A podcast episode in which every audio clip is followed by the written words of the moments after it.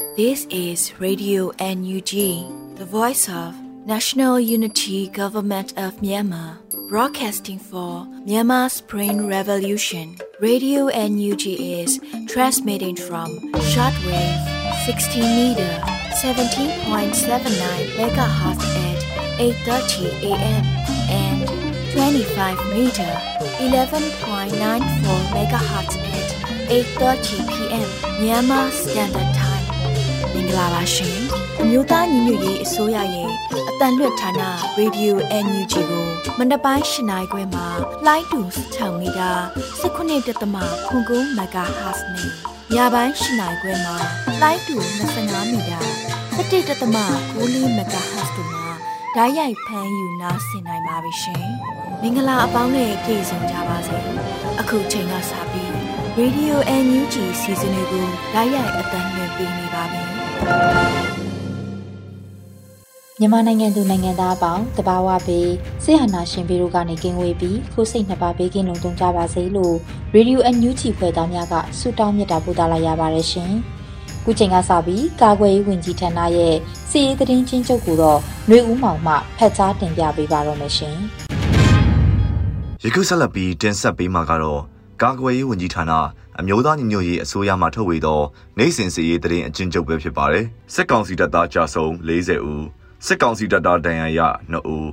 စစ်ကောင်စီနဲ့တိုက်ပွဲဖြစ်ပွားမှုတရင်များကိုတင်ဆက်ပေးပါမယ်။စကိုင်းတိုင်းတွင်မေလ30ရက်နေ့ညနေ3နာရီခန့်ကကမ်ဘလူမြို့နယ်ချက်ကြီးကျေးရွာမှာပင့်တာကျေးရွာသို့သွားသည့်စစ်ကောင်စီတပ်သားဖြူစောတိများပါစစ်ကောင်စီကား3စီးကိုပြည်သူ့ကာကွယ်ရေးတပ်မတော်ကမ်ဘလူခရိုင်တရင်တက်တရင်နဲ့ဒေါညီနောင်ဒေသခံပြည်သူ့ကာကွယ်ရေးတပ်ဖွဲ့ ပြည်သူ့ကာကွယ်ရေးအဖွဲ့ကမ်ဘလူတို့ကမိုင်းဆွဲတိုက်ခိုက်ခဲ့ပြီးလက်နက်ငယ်များဖြင့်ထိတွေ့တိုက်ပွဲဖြစ်ပွားခဲ့ရာစစ်ကောင်စီတပ်သားပြူစောတိ30ခန့်အထိခိုက်ဒေဆုံးမှုရှိခဲ့ပြီးပြည်သူ့ကာကွယ်ရေးတပ်သား2ဦးဒဏ်ရာရရှိခဲ့သည်။ပဲခူးတိုင်းတွင်မေလ30ရက်နေ့မနက်9:00နာရီခန့်ကတောင်ငူမြို့နယ်ထုံးမိုကြီးကျေးရွာအနီးရှိစစ်ကောင်စီများတပ်ဆွဲထားသောဂိတ်စခန်းကိုတန်တောင်မြောက်ပိုင်းအထူးဒေသပြည်သူ့ကာကွယ်ရေးတပ်ဖွဲ့ NDDF မှဝင်ရောက်ပစ်ခတ်တိုက်ခတ်ခဲ့ရာ စစ်ကောင်စီတပ်သားအနည်းဆုံး6ဦးထိခိုက်ဒေဆုံးခဲ့ကြောင်းသိရသည်။မန္တလေးတိုင်းတွင် မေလ30ရက်နေ့မနက်၈နာရီခန့်ကစင်ကူးမြို့နယ်မန္တလေးမိုးကုတ်ကားလမ်းပေါ်လက်ပံလှရွာစစ်စေးရေးဂိတ်ရှိစစ်ကောင်စီများကိုပြည်သူ့ကာကွယ်ရေးအဖွဲ့မတရားနဲ့စင်ကူးအဖွဲ့များကပူးပေါင်း၍မိုင်းဆွဲတိုက်ခိုက်ခဲ့သောကြောင့်စစ်ကောင်စီတပ်သား၄ဦးသေဆုံးသွားခဲ့သည်။ဆက်လက်ပြီးစစ်ကောင်စီကျူးလွန်သောရာဇဝတ်မှုများကိုတင်ဆက်ပေးပါမယ်။စကိုင်းတိုင်းတွင် မေလ30ရက်နေ့မနက်9နာရီခန့်က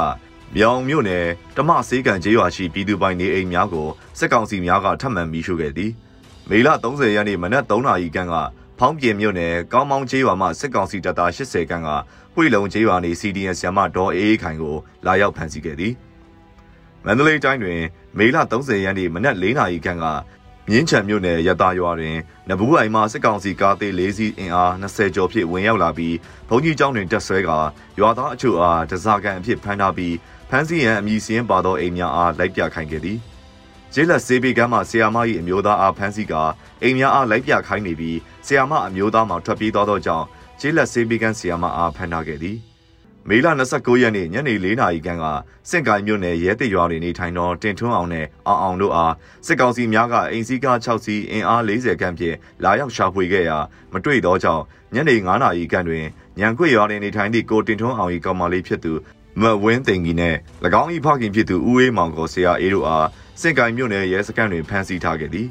စစ်ကောင်စီများကအဖမ်းခံရသူမဝင်းသိန်ကြီးနဲ့ကိုတင်ထွန်းအောင်အားလဲလှယ်ရန်ပြောထားကြောင်းသိရသည်မေလ29ရက်နေ့မနက်ပိုင်းကစင့်ကိုင်မြို့နယ်ပလိတ်မြို့ရှိညောင်မေတာရက်တွင်နေထိုင်သောကိုနိုင်ရဲဝေကိုစစ်ကောင်စီများဖမ်းဆီးသွားခဲ့ပြီးညနေ6နာရီတွင်အောင်နိုင်ထွန်း Venus Video ရိုက်ကူးရေးကိုလည်းစစ်ကောင်စီများကဖမ်းဆီးသွားခဲ့သည် မေလ29ရက်နေ့ညနေပိုင်းကမြင်းချံမြို့နယ်ရှိမော်မော်စီဆိုင်နားတွင်စိုက်ကယ်ပြင်းသည့်ညက်စီဆိုသူကိုစစ်ကောင်စီများကဖမ်းဆီးသွားခဲ့သည်မှတ်ချက်မြေပြင်သတင်းတာဝန်ခံများနဲ့သတင်းဌာနများမှဖော်ပြလာသောအချက်အလက်များအပေါ်အခြေခံပြုစုထားသည်ယခုတင်ဆက်ပေးခဲ့တာကတော့ကာကွယ်ရေးဝန်ကြီးဌာနအမျိုးသားညီညွတ်ရေးအစိုးရမှထုတ်ဝေသောနိုင်စဉ်စီရေးသတင်းအကျဉ်းချုပ်ပဲဖြစ်ပါတယ်ကျွန်တော်ကတော့ຫນွေဦးမှာပါခင်ဗျာ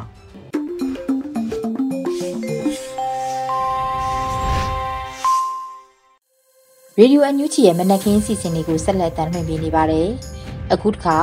နောက်ဆုံးရသတင်းများကိုຫນွေဦးမှုမှဖတ်ကြားတင်ပြပေးပါရမရှင်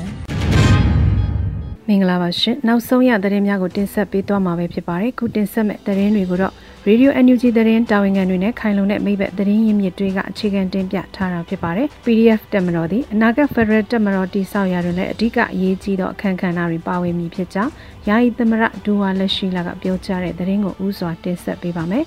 PDF တက်မတော်ဟာနာဂတ်ဖက်ဒရယ်တက်မတော်တိဆောက်ရမှာလေအဓိကအရေးကြီးတဲ့အခမ်းကဏ္ဍမှာပါဝင်မှာဖြစ်တယ်လို့ယာယီသမရဒူဝါလက်ရှိလာကပြောကြားလိုက်ပါတယ်။မေလ30ရက်နေ့ရှေ့တန်းစစ်မြေပြင်ရောက်ရှိနေတဲ့ နိုင်ငံတော်ယာယီသမရဒူဝါလက်ရှိလာကပြည်သူ့ကာကွယ်ရေးပေါ်များကိုပြောကြားခဲ့ပါတယ်။မိမိတို့ PDF တက်မတော်ဒီအနာဂတ်ဖက်ဒရယ်တက်မတော်တိဆောက်ရတွင်လည်းအဓိကအရေးကြီးသောအခမ်းကဏ္ဍတွေပါဝင်ပြီးဖြစ်၍ယခုကတည်းကပင်ဖက်ဒရယ်စနစ်နှင့်ဒီမိုကရေစီသဘောတရားတို့ကိုလက်ကင်ပြုကျင့်ကြံမှုလိုအပ်ကြောင်း PDF သည်ပြည်သူအတွက်အားကိုးယုံကြည်ရတာဖြစ်ရမည်ဖြစ်ပြီးပြည်သူဆန္ဒကိုမဆန့်ကျင်ဖို့အထူးလိုအပ်ကြောင်း ပြည်သူနှင့် PDF သည်ရင်းနှင့်ငါးကဲ့သို့ပင်ကြင့်ကြံရမည်ဖြစ်ကြောင်းစသဖြင့်ယာယီသမရာကြီးကပြောကြားခဲ့ပါတယ်။လက်ရှိမှာပြည်သူ့ကာကွယ်ရေးတပ်ဖွဲ့နဲ့ညီနောင်တရင်တပ်ဖွဲ့ပေါင်း250ခုနှစ်ရင်းနဲ့မြို့နယ်ပကဖပေါင်း250ဖွဲ့စည်းပြီးဖြစ်ပါတယ်။ LDF နဲ့လူငယ်မျိုးပြပျောက်ကြားပေါင်း400တပ်ဖွဲ့ရှိပြီးတော့အမိုရီနဲ့ချိတ်ဆက်ဆောင်ရွက်နေတဲ့အဖွဲ့60ရာခိုင်နှုန်းရှိပါတယ်ရှင်။ရှေ့တန်းရဲဘော်များစီယာယီသမရာကြီးကြည့်ရှုစစ်ဆေးတဲ့သတင်းကိုတင်ဆက်ပေးပါဦးမယ်။ရှေ့တန်းရဲဘော်များစီ ယာယီသမရာကြီးကြည့်ရှုစစ်ဆေးခဲ့တယ်လို့သတင်းရရှိပါရယ်။မေလနောက်ဆုံးပတ်မှာစစ်မြေပြင်ကိုနိုင်ငံတော်ယာယီသမရဒူဝါလက်ရှိလာကရောက်ရှိခဲ့ပါတယ်။ရဲဘော်များသည်တိုင်းပြည်သူရဲကောင်းများဖြစ်တယ်လို့မျှော်လင့်ချက်လဲဖြစ်၍အထူးလေးစားဂုဏ်ယူပါကြောင်းပြည်သူတော်လှန်ရေးအတွက်မိမိတို့အသက်ခံတာကိုပါစတဲ့ထဲ့ဝင်နေကြတဲ့ PDF စစ်သည်တော်များအပါအဝင်ခုခံတွန်းလှန်စစ်တွင်ပါဝင်နေကြသူအလုံးကိုတမိုင်းကကောင်းစွာမော်ကုန်းကပီးတင်ပြီးဖြစ်တယ်လို့ဤအရေးနည်းများသည့်လုံးဝဟောဒီကန်ဖြစ်မည်မဟုတ်ကြောင်း ဤသို့သောရင်းနှီးပါဝင်ခြင်းများကြောင့်ထိုက်တန်သည့်အကျိုးရလဒ်ကောင်းများကိုလည်းမုတ်ချရရှိမှသေးကြကြောင်းမိမိတို့ PDF တက်မတော်သည်အနာဂတ် Federal တက်မတော်တိဆောက်ရရင်လည်းအဓိကရေးကြီးသောအခမ်းကဏ္ဍတွေပါဝင်မည်ဖြစ်၍ယခုကတည်းကပင်ဖက်ဒရယ်စနစ်နဲ့ဒီမိုကရေစီသဘောတရားတို့ကိုလက်ကင်ပြုကျင့်ကြံမှုလိုအပ်ကြောင်းရဲဘော်များကိုသမ္မတကြီးကဆိုခဲ့ပါတယ်။ပြီးခဲ့တဲ့အလားများကလည်းကာဝေးဝင်ကြီးဦးရင်မှုဟရှေးတန်းစခန်းကိုရောက်ရှိခဲ့ပါသေးတယ်။ PDF သည်ပြည်သူအတွက်အားကိုးယုံကြည်ရတာဖြစ်ရမည်ဖြစ်ပြီးပြည်သူစံနာကိုမဆန့်ကျင်မှုအထူးအလိုအပ်ကြောင်း ပြည်သူနှင့် PDF သည်ရင်းနှံငါးကဲ့သို့ပင်ကျင့်ကြံရမည်ဖြစ်ကြောင်း professional စံပြတမတော်တရဖြစ်ရည်တည်နိုင်ရတဲ့ပြည်သူနှင့်တသားတည်းရှိမှုစီကံကောင်းမှုမှုအမိန့်နာခံမှုစွမ်းရည်ပြေဝမှုတို့သည်ရေးကြီးကြောင်းယခုအခါတနိုင်ငံလုံးနေ PDF တက်မတော်ဤတရင်တပ်ဖွဲ့ပေါင်းများစွာစနစ်တကျအစုဖွဲ့လာနိုင်ပြီဖြစ်၍လူလူကများစွာအားတက်လျက်ရှိကြောင်း PDF သည်မျိုးပြည်သူတော်လှန်ရေး၏အသက်ပမာအရေးကြီး၍လူလူမျောလင်းချက်ပန်းနိုင်ရောက်သည့်အထိ ဉာဏ်ပညာဇွဲတတိလုံလဝရိယအပြည့်ဖြင့်ဥဆောင်ပါဝင်သွားကြရန်လိုအပ်ကြောင်းယာယီသမရဒူဝါလက်ရှိလာကထပ်မံဆိုခဲ့ပါတယ်ရှင်။တေဘဘိုးစခန်းကိုတည်ယူနိုင်ခဲ့တဲ့မဟာမိတ်ပူပေါင်းဖွဲ့ထံ NUG ကာဝေးဝန်ကြီးဌာနကဂုဏ်ပြုသုံးဝန်လောက်ပေးပို့တဲ့သတင်းကိုတင်ဆက်ပေးပါောင်းမယ်။သေဘောပိုစခန်းအားတည်ယူနိုင်ခဲ့တဲ့မဟာမိတ်ပူပေါင်းဖွဲ့တဲ့ NUG ကာကွယ်ဝန်ကြီးဌာနကကွန်ပျူတာဝင်လာပေးပို့ခဲ့တယ်လို့သတင်းရရှိပါရယ်။မေလ30ရက်နေ့မှာကောဘရာစစ်ကြောင်းကကွန်ပျူတာဝင်လွှာကိုဖော်ပြခဲ့ပါတယ်။ ဆိုပါကွန်ပျူတာဝင်လွှာမှာ1ကရင်မျိုးသားအစည်းအရုံး KNU တပ်မဟာ6တီရှီယာဒူပလာယာခရိုင်တောင်ပိုင်းစစ်ဒေသတွင် KNU KNLA KNTO PDF နှင့်အခြားမဟာမိတ်အင်အားစုများပါဝင်သောတော်လှန်ရေးပူးပေါင်းဖွဲ့သည်2021ခုနှစ်ဒီဇင်ဘာလ15ရက်လီကေကောတိုက်ပွဲမှစ၍ခုခံတွန်းလှန်စစ်ကိုဆင်နွှဲလာရာယနေ့အထိရန်သူစခန်း3ခုနဲ့ရန်သူလက်နက်အမြောက်အများကိုလက်ရသိမ်းပိုက်နိုင်ခဲ့ပါတယ်။နေ့ထိုးတိုက်ပွဲစဉ်အတွင်း 2022ခုနှစ်မေလ18ရက်တွင်ရန်သူကအနှစ်30ကျော်သိမ်းပိုက်ထားခဲ့သောတေဘော်ဘိုးစခန်းကိုပြန်လည်သိမ်းယူနိုင်ခဲ့သည်ဒါမကရန်သူလက်နက်မျိုးစုံ15လက်ကြီးမျိုးစုံ9000ကျော်ကိုပါလက်ရသိမ်းဆည်းနိုင်ခဲ့ပါတယ်။၃ဆီယနာရှင်စန့်ကျင်တိုက်ဖြစ်ရေးပြည်သူခုခံတွန်းလှန်စစ်ကိုရွရွချွန်းချွန်းဆင်နွှဲလျက်ရှိသော KNU KNL KNDO PDF နှင့်အခြားမဟာမိတ်အင်အားစုများပါဝင်သောပူးပေါင်းအဖွဲ့ထူးချွန်ပြောင်မြောက်သည့်စီရေးစွမ်းဆောင်မှုကိုမြို့သားညီညွတ်ရေးအစိုးရကာကွယ်ဝန်ကြီးဌာနအနေဖြင့် အထူးဂုဏ်ပြုအပ်ပါတယ်လို့ဖော်ပြပါရှိပါရရှင်။ချင်းပြည်တော်အုပ်ချုပ်ရေးအဖွဲ့များကဖွင့်လှစ်သည့်အကြောင်းများတွင်သာမိမိတို့၏သားသမီးများကိုပညာစီပူကြစေရန် Chinland Joint Defense Committee ကတိုက်တွန်းတဲ့သတင်းကိုဆက်လက်တင်ဆက်ပေးပါမယ်။ချင်းပြည်တော်အုပ်ချုပ်ရေးအဖွဲ့များကဖွင့်လှစ်တဲ့အကြောင်းများတွင်သာမိမိတို့ရဲ့သားသမီးတွေကိုပညာစည်းဝူးကြစေဖို့ Chinland Joint Defense Committee ကတိုက်တွန်းလိုက်ပါတယ်။မေလ30ရက်မှာ Chinland Joint Defense Committee ကထုတ်ပြန်ခဲ့တာပါ။ နိုင်ငံတော်အာဏာသိမ်းယူရန်ကြိုးပမ်းနေတဲ့မြောင်လန်ဦးဆောင်တဲ့အကြမ်းဖက်စစ်ကောင်စီဟာ2022ခုနှစ်ဇွန်လအတွင်းတနိုင်ငံလုံးအတိုင်းအတာနဲ့ကျောင်းဖွင့်လှစ်နိုင်ရေးအတွက်ဆောင်ရွက်နေတာကိုတွေ့ရပါတယ်။အဲဒီလိုအကြမ်းဖက်စစ်ကောင်စီတပ်ကကျောင်းဖွင့်လှစ်နိုင်ရေးအတွက်ဆောင်ရွက်မှုဟာစစ်ကောင်စီရန်ရလဲပတ်နိုင်တယ်လို့နိုင်ငံတကာကိုပြသရန်နဲ့တရားဝင်မှုရရှိနိုင်ရန်စ조사မှုသာဖြစ်တယ်လို့ရှုမြင်ပါတယ်။ဒါကြောင့်ချင်းပြည်တော်တဝက်မှာရှိတဲ့မိဘပြည်သူများအနေနဲ့စစ်ကြုံပညာရေးနဲ့စေအုပ်ချုပ်ရေးရန်ရလဲပတ်မှုမရှိစေရေးအတွက်တားဆီးတွန်းလှန်ကြရန်နဲ့ ချင်းပြည်တော်အုပ်ချုပ်ရေးအဖွဲ့များကဖွင့်လှစ်တဲ့ကျောင်းများတွင်သာမိမိတို့ရဲ့သားသမီးတွေကိုပညာစည်းပူးကြစေရန်တိုက်တွန်းအပ်ပါတယ်လို့ဖော်ပြပါရှိပါတယ်။ဒါအပြင်အချက်ဖက်စစ်ကောင်စီရဲ့စစ်ကြုံပညာရေးနဲ့စေအုပ်ချုပ်ရေးရန်နေရအားအသက်တွေရန်ကြိုးပမ်းမှုမှာပါဝင်ဆောင်ရွက်သည့် non-CDM mass များကို CJDC အနေဖြင့်ပြင်းထန်စွာအရေးယူဆောင်ရွက်သွားမှာဖြစ်တယ်လို့သိရပါတယ်ရှင်။ပြိုင်းဖြူစစ်စင်ရေးဖြင့်ရေးမြို့နယ်9ကိုတစ်တပ်ဝင်းအတွင်းရရှိရိတ်သားနဲ့လက်နက်တိုက်အား MSRO က drone နဲ့တိုက်ခိုက်တဲ့သတင်းကိုတင်ဆက်ပေးပါောင်းမယ်။ပြိုင်းဖြူစစ်စင်ရေးဖြင့်မွန်ပြည်နယ်ရေးမြို့နယ်9ကိုတစ်တပ်ဝင်းအတွင်းရရှိရိတ်သားနဲ့လက်နက်တိုက်ကို MSRO က drone နဲ့တိုက်ခိုက်ခဲ့ပါတယ်။မေလ30ရက်နေ့မှာရေးမြို့နယ်ကြောင်ရွာကျွော်မှာရှိတဲ့9ကိုတစ်တပ်ဝင်းအတွင်းကိုတိုက်ခိုက်ခဲ့တယ်လို့မွန်ပြည်နယ်အခြေပြုတော်လှန်ရေးအဖွဲ့အစည်း MSRO ကဆိုပါတယ်။ရေးမြို့နယ်ကြောင်ရွာကျေးရွာရှိ9ကိုတစ်တပ်ဝင်းအတွင်းရရှိရိတ်သားနဲ့လက်နက်တိုက်ကို drone နဲ့ draw ချတိုက်ခိုက်ခဲ့ပါတယ်။ပ ထမဆုံးမွန်ပြည်နယ်တောင်ပိုင်းမှာဝေဟင်ကတိုက်ခိုက်မှုဖြစ်ပါတယ်စစ်စင်းကြောင့်တပ်တွင်းပြရခတ်ပြီးထိခိုက်မှုရှိနိုင်ပါတယ်လို့ဆိုပါတယ်ဆိုပါတိုက်ခိုက်မှုပြီး9ကိုတစ်တရင်ကတဝင်းထဲမှာလက်နက်ကြီးနဲ့ကျောင်းရွာကျေးရွာအတွင်းသို့ပြန်လည်ပစ်ခတ်ရရက်ကွက်လေးရှိလူနေအိမ်မော်တို့လက်နက်ကြီးချပြီးရတတအူထိခိုက်ဒဏ်ရာရခဲ့တယ်လို့သိရပါတယ်ရှင်နိုင်ငံပြသူ short film ဟာ YouTube မှာပြသခြင်း12နိုင်အတွင်းမှာပဲကြည့်ရှုသူတက်တန်းကျော်သွားခဲ့တဲ့သတင်းကိုတင်ဆက်ပေးပါောင်းမယ်။ နိုင်ငံပြသူ short film ကို YouTube မှာပြသခြင်း12နှစ်အတွင်းမှာပဲကြည့်ရှုသူတသန်းကျော်သွားခဲ့ပြီလို့သတင်းရရှိပါတယ်။မေလ30ရက်မှာနိုင်ငံပြသူကိုစတင်ပြသခဲ့တာဖြစ်ပြီးကြည့်ရှုသူများပြားခဲ့ကြောင်းပရိသတ်ပင်ကဆိုပါတယ်။နိုင်ငံပြသူ short film ဟာ YouTube မှာပြသခြင်း12နှစ်အတွင်းမှာပဲကြည့်ရှုသူတသန်းကျော်သွားခဲ့ပါပြီ။ဒီ short film ကိုဖန်တီးခဲ့တဲ့ driver ကိုနာကြီးတရုတ်ဆောင်ကိုတောင်မတ်တုကိုကြပေါင်းနဲ့တကွပါဝင်ကူညီပေးတဲ့အဖွဲ့သားအားလုံးကိုဂုဏ်ပြုပါရခင်များလို့ပြည်သားဘက်မှဖော်ပြထားပါတယ်။ရင်းနိုင်ငံပြသူ short film ကို ဒရိုက်တာနာကြီးကရိုက်ကူးပုံဖော်ပြီးတရုတ်ဆောင်တောင်းနဲ့ပိုင်းဖြိုးသူတို့ကပါဝင်တရုတ်ဆောင်ထားကြပါတယ်။ခုလိုနုပညာရှင်စစ်စစ်တွေရဲ့နုပညာဖန်တီးမှုကိုတခဲနဲ့အားပေးကြတဲ့ပြည်သူတွေအားလုံးကိုလည်းအထူးကျေးဇူးတင်ရှိပါတယ်လို့ပြည်သားပင်ကဆိုထားပါတယ်ရှင်။ကျမຫນွေဦးမွန်ပါ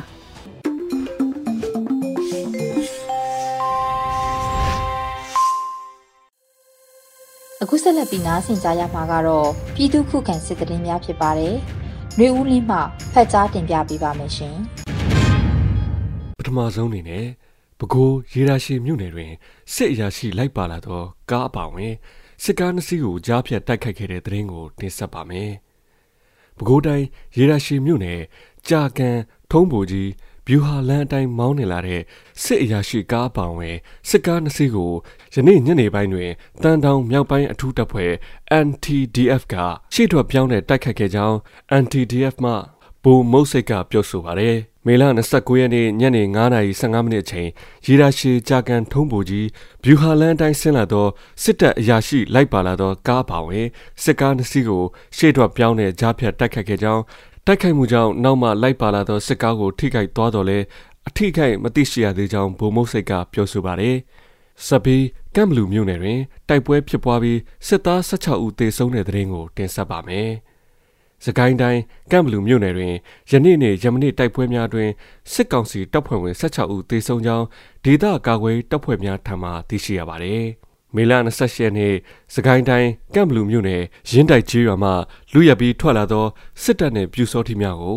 Armored Revolution Force KU အဖွဲ့နှင့်ကမ်ဘလူ UG တို့ကပူးပေါင်းပြီးငားပေအကွာမှအနီးကပ်ပစ်ခတ်တိုက်ခတ်ခဲ့ရာစစ်သား9ဦးသေဆုံးကြောင်းသိရှိရပါတယ်။ ထို့ပြင်ယနေ့ညနေ3:15မိနစ်ဝန်းကျင်ကမ်ဘလူနယ်ရင်းတိုက်ကျေးရွာဖုန်ကြီးကျောင်းသို့ခင်ဦးနယ်မှလာရောက်သည့်စစ်ဆောင်ပြည်သူများကိုဖမ်းဆီးရန်ကာဘိုးမှစစ်တပ်ဆိုင်ကယ်15စီးဖြင့်အင်အား30ပါစစ်ကြောင်းထွက်လာကြောင်း အဆိုပါစစ်ကြောင်းသည်ပြည်သူပိုင်ဒိုင်နာဆယ်ဝေတစည်းပဇင်းကောင်းထွေလာတစည်းကိုခိုးယူလာကြောင်းရင်းစစ်ကြောင်းနှင့် SMC မူးပေါင်နှင့် DY1 မူးပေါင်ရေတကားပေါ်အရောက်တွင်ကမ်ဘလူ UG စိန်ပေတာခင်ဦးဒေသခံကာကွယ်ရေးအဖွဲ့များကတိုက်ခိုက်ရာစစ်သား3ဦးသေဆုံးကြောင်း KBU ကမ်ဘလူတပ်ဖွဲ့၏သတင်းထုတ်ပြန်ကြရာသိရှိရပါတယ်။ယင်းနောက်ကာဘိုးသို့ဆက်လက်ထွက်ခွာလာသောစစ်ကြောင်းကိုကြောက်တိုက်ရွာအလွန်တွင် ထပ်မံမိုင်းတစ်ချိန်ဆွဲတိုက်ခိုက်ရာစိုက်ကယ်ပေါ်ပါစစ်သား၄ဦးသေဆုံးခဲ့ပြီးတိုက်ခိုက်မှုနှစ်ကြိမ်တွင်စုစုပေါင်းစစ်သား9ဦးသေဆုံးကြောင်းခင်ဦးမြို့နယ်သတင်းမှန်ပြန်ကြားရေးက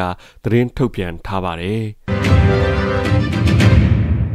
ကျွေပေါက်ကံတောင်ကူလမ်းပေါ်ရှိဘောလုံးကွင်းတွင်တက်ဆွဲထားသောစစ်တပ်ကိုလက်လုံ RPG ဖြင့်ပြစ်ခတ်တိုက်ခတ်တဲ့တဲ့ရင်ကိုဆက်လက်တင်ဆက်ပါမယ်။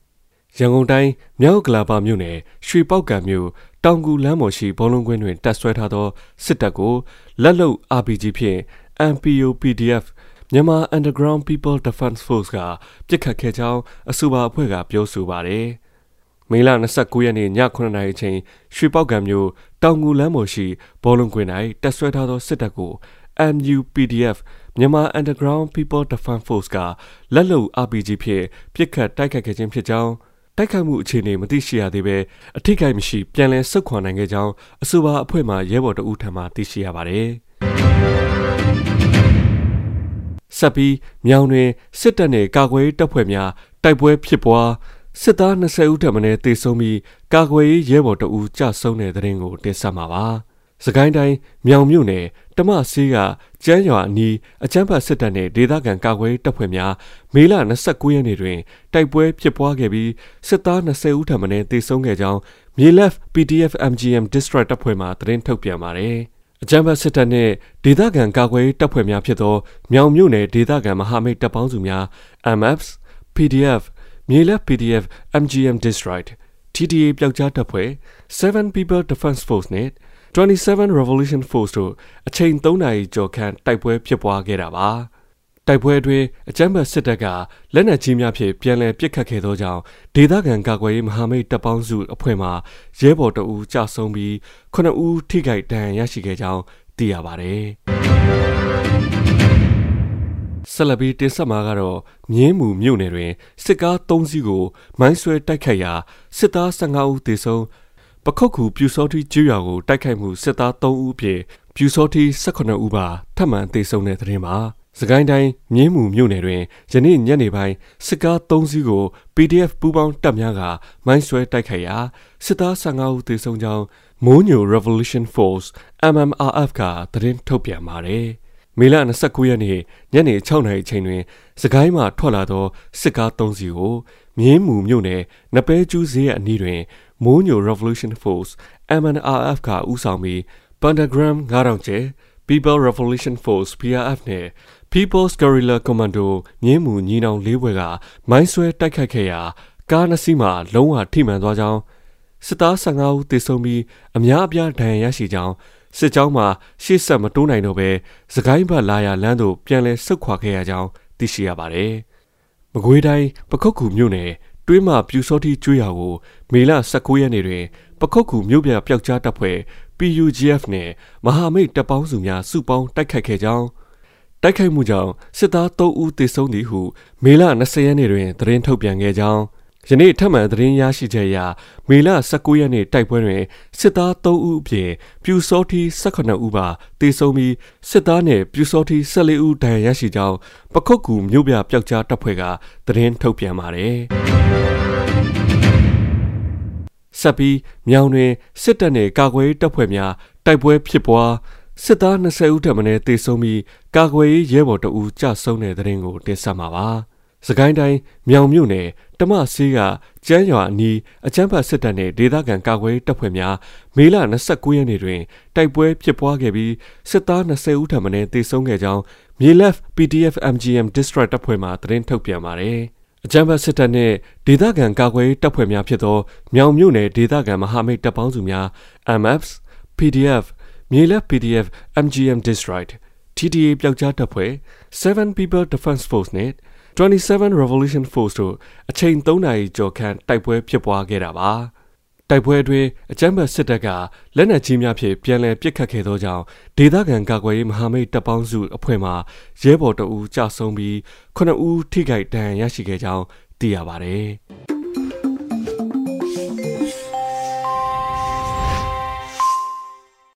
ရေဒီယိုအန်ယူဂျီရဲ့မနက်ခင်းစီစဉ်လေးကိုဆက်လက်တင်ပြနေပါတယ်။အခုတခါ PPTV ရဲ့နေ့စဉ်သတင်းများကိုတော့ထက်ထက်အင်ဒရာအောင်မှဖတ်ကြားတင်ပြပေးပါတော့မယ်ရှင်။ပထမဆုံးတင်ဆက်ပေးမှာကတော့အမျိုးသားညီညွတ်ရေးအစိုးရပြည်ထောင်စုဝန်ကြီးတွေနဲ့ UK ရောက်မြန်မာတော်လှန်ရေးမိသားစုဝင်များတွေ့ဆုံခဲ့တဲ့ဆိုတဲ့သတင်းမှာ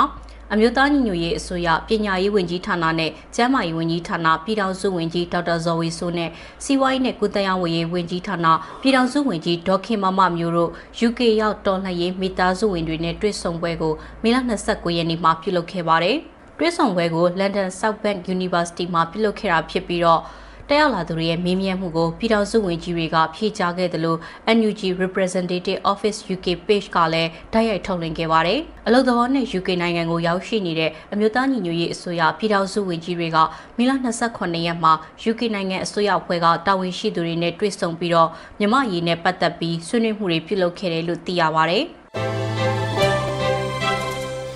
ဆက်လက်တင်ဆက်ပေးမှာကတော့တိုက်ပွဲဖြစ်နေတဲ့ KNU နယ်မြေအတွင်းမှာစစ်ဘေးရှောင်ပြည်သူတွေအကူအညီလိုအပ်နေတဲ့ဆိုတဲ့သတင်းမှာကရင်အမျိုးသားအစည်းအရုံး KNU နယ်မြေအတွင်းကတွာလာရေးခက်ခဲတဲ့ဒေသတွေစီကစစ်ရှောင်တွေအကူအညီလိုအပ်နေတယ်လို့ KNU ကမေလ29ရက်မှာထုတ်ပြန်လိုက်ပါတယ်။ KNU ခရိုင်နဲ့တပ်မဟာတွေဖြစ်တဲ့တထုံခရိုင်တပ်မဟာ1ညောင်လေးပင်ခရိုင်တပ်မဟာ3ဒဝဲခရိုင်တပ်မဟာ4မူတရခရိုင်တပ်မဟာ9နဲ့ဒူပလယာခရိုင်တပ်မဟာ6နယ်မြေတွေမှာတိုက်ပွဲတွေဖြစ်ပွားနေပြီးတော့အဲ့ဒီထဲကတပ်မဟာ1တပ်မဟာ3တပ်မဟာ4တပ်မဟာ9နယ်မြေတွေအတွင်းတွာလာရေးခက်ခဲတဲ့ဒေသကစစ်ရှောင်းတွေလူသားချင်းစာနာမှုဆိုင်ရာအကူအညီတွေအထူးလိုအပ်လျက်ရှိတယ်လို့ထုတ်ပြန်ထားတာပါ။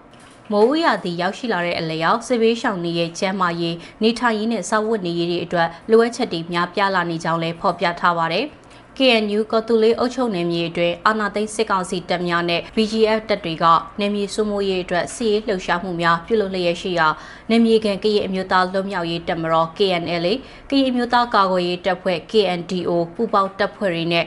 နေ့စဉ်ထိတွေ့ပစ်ခတ်မှုတွေဖြစ်ပွားလျက်ရှိတယ်လို့အသိပေးထားပါတယ်။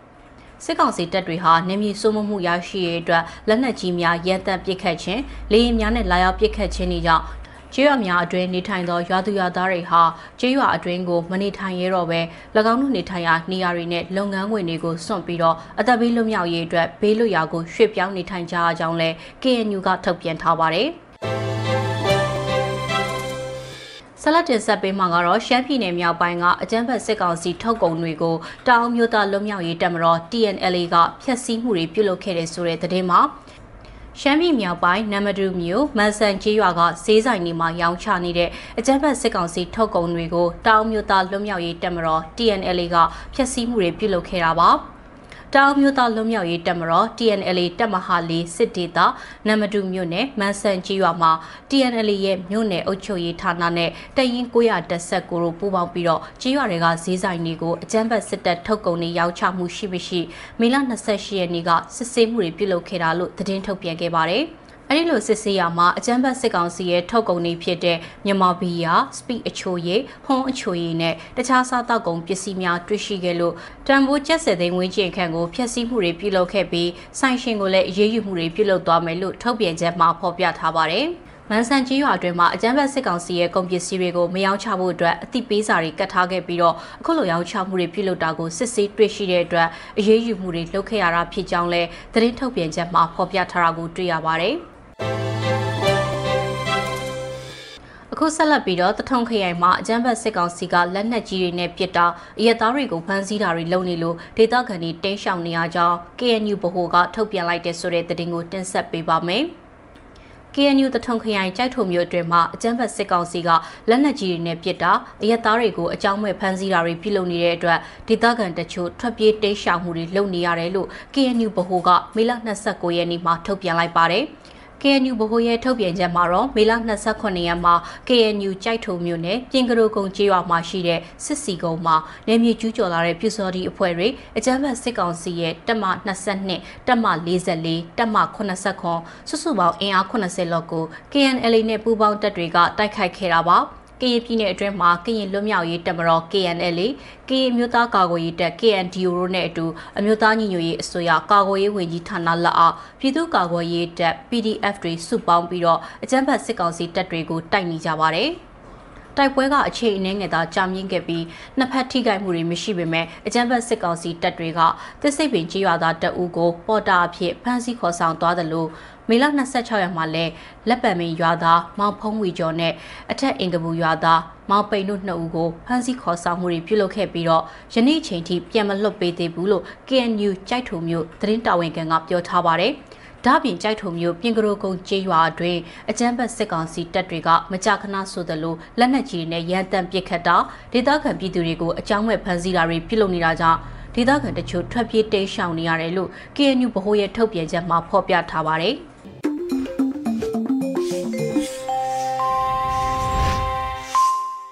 အခုဆက်လက်ပြီးနားဆင်ကြရမှာကတော့တော်လှန်ရေးတီဂီတာအစီအစဉ်ဖြစ်ပါတယ်။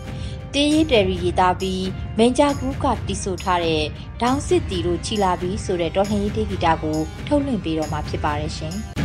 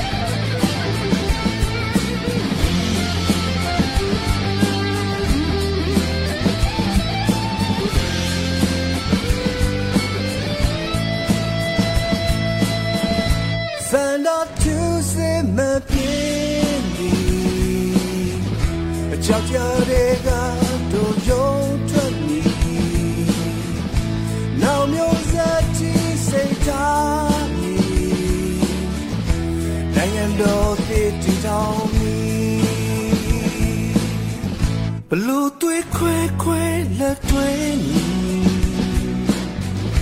ရောင်သွေးမကွဲပဲလေသွေးစီနေတို့ရေးဆွဲမြဲချီတကြမီတို့ချစ်တဲ့နိုင်ငံစီရေစိတ်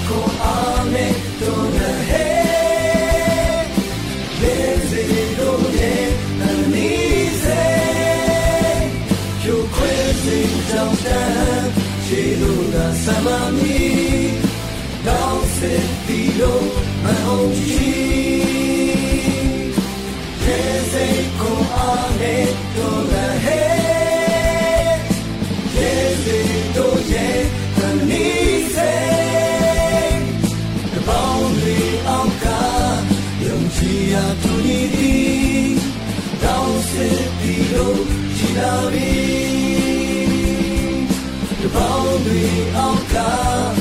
ကြည်ရာသူညီသည်တောင်းစစ်ပြီးလို့ရှိလာပြီတပေါင်းတွေအောက်ကယုံကြည်ရာသူညီသည်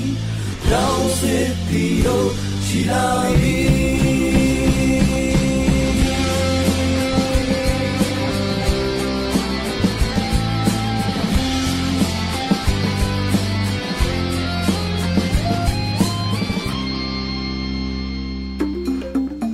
ကနေ့ကတော့ဒီညနေပဲ Radio NUG ရဲ့အစီအစဉ်လေးကိုခေတ္တရ延လိုက်ပါမယ်ရှင်မြန်မာစံတော်ချိန်မနေ့၈နိုင်ခွဲနဲ့ည၈နိုင်ခွဲအချိန်တွေမှာပြောင်းလဲဆိုပြကြပါလို့ရှင် Radio NUG ကိုမနေ့ပိုင်း၈နိုင်ခွဲမှာလိုင်းတူ16မီတာ19.7မဂါဟတ်နဲ့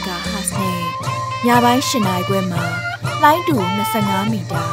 17.6မဂါဟတ်တို့မှာဓာတ်ရိုက်ဖမ်းယူ နာဆင်နိုင်ပါပြီရှင်။မြန်မာနိုင်ငံသူနိုင်ငံသားများကိုစိတ်နှဖျားစမ်းမချမ်းသာလို့ဘေးကင်းလုံခြုံကြပါစေလို့ Radio NUG ရဲ့ဖွဲ့သူဖွဲ့သားများကဆုတောင်းလိုက်ရပါတယ်။ San Francisco Bay Area အခြေစိုက်မြမမိသားစုများနိုင်ငံတကာကစေတနာရှင်များလုံအားပေးများရဲ့ Radio NUG ဖြစ်ပါတယ်ရှင်။အရေးတော်ပုံအောင်ရမည်။